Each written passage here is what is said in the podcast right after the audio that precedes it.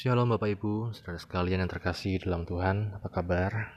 Kembali kita bertemu dalam ibadah online kita pada pagi hari ini. Sama-sama kita akan terlebih dahulu berdoa. Bapak kami bersyukur Tuhan untuk kesempatan yang kau berikan pada kami Tuhan.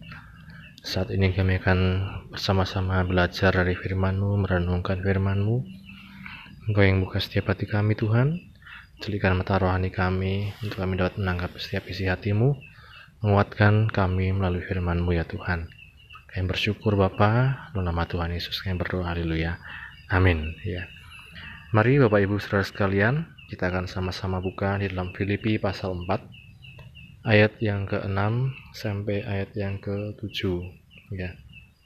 Filipi pasal yang keempat ayat 6 sampai 7 demikian bunyi firman Tuhan Janganlah hendaknya kamu khawatir tentang apa pun juga, tetapi nyatakanlah dalam segala hal keinginanmu kepada Allah dalam doa dan permohonan dengan ucapan syukur. Damai sejahtera Allah yang melampaui segala akal akan memelihara hati dan pikiranmu dalam Kristus Yesus. Amin. Bapak Ibu Saudara sekalian, tema firman Tuhan pada pagi hari ini adalah dipelihara di dalam Kristus Yesus, ya. Kalau kita uh, merenungkan atau mendengarkan Bapak Ibu tentang dipelihara oleh Tuhan, sering kali kita bisa berpikir tentang pemeliharaan uh, perihal kebutuhan sehari-hari, pemeliharaan hidup, pemeliharaan uh, mungkin ekonomi, terus kemudian makanan, minuman, dan lain-lain.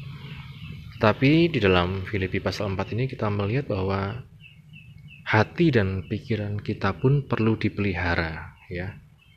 Hati dan pikiran kita inilah Bapak Ibu yang sering kali menjadi pusat kehidupan kita ya, pusat dalam kita melakukan segala sesuatu. Ketika hati dan pikiran kita tidak terpelihara, kita dapat melakukan atau berpikir tentang hal-hal yang sebenarnya tidak perlu ya kita pikirkan tentang hal-hal yang negatif, hal-hal yang merusak. Tetapi di sini kita melihat Bapak Ibu dikatakan firman Tuhan bahwa yang dapat memelihara hati dan pikiran kita hanya damai sejahtera Allah di dalam Kristus Yesus ya Bapak Ibu. Dikatakan damai sejahtera Allah yang melampaui segala akal akan memelihara hati dan pikiranmu dalam Kristus Yesus. Bukankah ini yang sangat penting Bapak Ibu saudara sekalian di dalam kehidupan kita di mana pun kita berada ya apa pun yang kita kerjakan dikatakan kita sangat butuhkan damai sejahtera Allah yang melampaui segala akal ya melampaui segala akal artinya orang lain kalau di dalam suatu situasi dapat melakukan hal yang keliru, hal yang salah. Tapi karena damai sejahtera Allah, kita dapat melaluinya bersama dengan Tuhan. Ya, kita dapat seperti yang dikatakan di ayat yang ke-6, tidak khawatir, kemudian menyatakan segala hal, keinginan ya di dalam doa dan permohonan. Kemudian selanjutnya adalah kita melihat bahwa kita bisa mengucap syukur di dalam segala hal. Inilah yang dipelihara ya di dalam hati dan pikiran kita oleh damai sejahtera Allah ya yang melampaui segala akal. Sehingga kita ketika menghadapi masalah, ketika menghadapi berbagai macam ujian, tantangan, ya dikatakan kita bisa menjadi pribadi yang uh, tidak khawatir karena apa?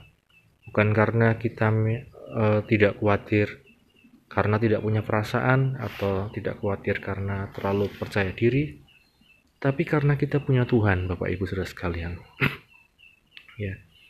Tetapi nyatakanlah dalam segala hal keinginanmu kepada Allah dalam doa dan permohonan dengan ucapan syukur. Di sinilah sarana Allah untuk memelihara kita ketika kita berdoa, memohon ya dengan mengucap syukur.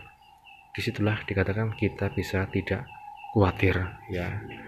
Jadi ini Bapak Ibu Saudara sekalian yang sangat penting dalam kehidupan kita ketika kita menghadapi berbagai macam permasalahan dan tantangan hidup dan berbagai macam mungkin ujian gitu ya dalam berbagai aspek kehidupan kita dikatakan kita perlu damai sejahtera Allah yang melampaui segala akal dan seperti yang tadi saya katakan ini berhubungan dengan doa dan permohonan kita serta bersyukur kepada Tuhan Bapak Ibu. Seperti yang sore kemarin kita uh, pelajari kita renungkan bahwa Daud ketika menghadapi masalah dia datang kepada Tuhan. Di saat terdesak dia menguatkan kepercayaannya kepada Tuhan. Sehingga dikatakan dia memiliki satu damai sejahtera dia bisa memutuskan sesuatu dengan baik dengan benar dan dia mengalami kemenangan ya ini Bapak Ibu Saudara sekalian yang perlu selalu kita renungkan dalam kehidupan kita biarlah ya gaya hidup yang bersyukur ya tidak terlalu memikirkan ya kekhawatiran ya.